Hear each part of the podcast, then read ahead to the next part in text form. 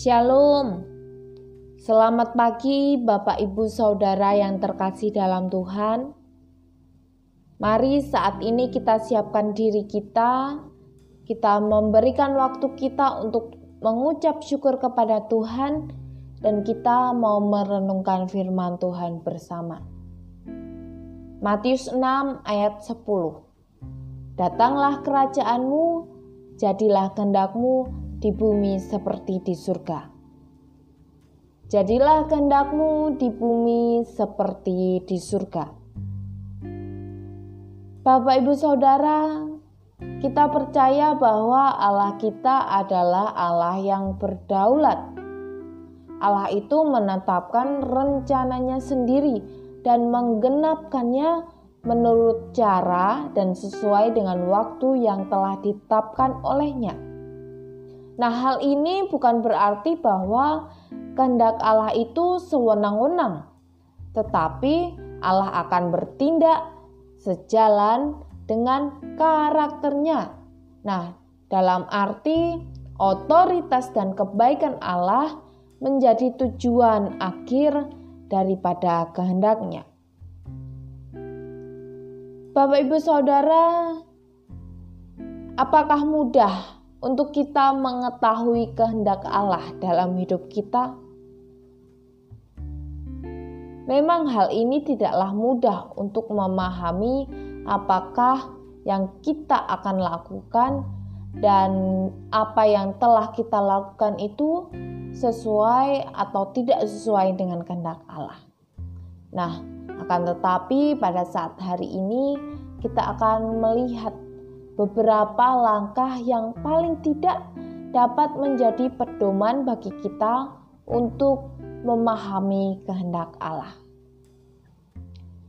Yang pertama, ini langkah awal ya dalam memahami kehendak Allah, yaitu dengan mengevaluasi apakah hal yang akan kita lakukan itu bertentangan dengan kebenaran firman Tuhan atau tidak. Nah, kalau bertentangan, tentunya kita dapat memastikan bahwa hal itu bukanlah kehendak dari Allah. Sebab firman Tuhan atau Alkitab ini adalah satu-satunya pedoman hidup orang percaya.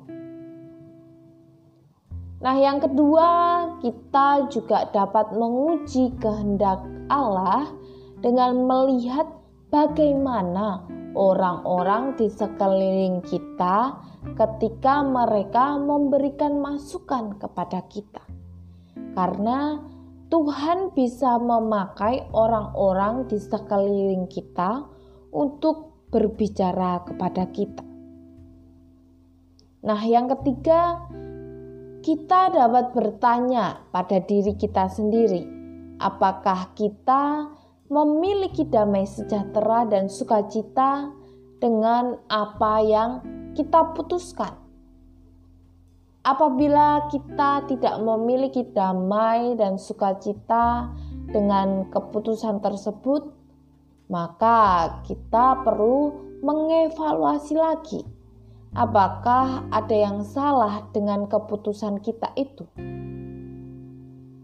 Yang keempat, yang terakhir, dalam usaha memahami kehendak Allah, kita juga dapat meminta nasihat dari pemimpin rohani kita. Karena dengan pengalaman rohani dan relasi mereka dengan Allah, mereka tentunya dapat memberikan masukan-masukan yang baik kepada kita. Bapak, ibu, saudara, memang tidaklah mudah untuk mengerti kehendak Allah dalam hidup kita. Banyak hal yang kita lalui, banyak hal yang kita alami dalam hidup kita ini yang tak jarang membuat kita ragu akan rencana Allah yang baik di dalam hidup kita. Tapi pada pagi hari ini, marilah kita mengoreksi kembali diri kita. Apakah kita sudah berada, berjalan menurut kehendak Allah atau tidak? Marilah kita bersandar kepada Allah dan hiduplah di dalam kehendaknya dalam kehidupan kita.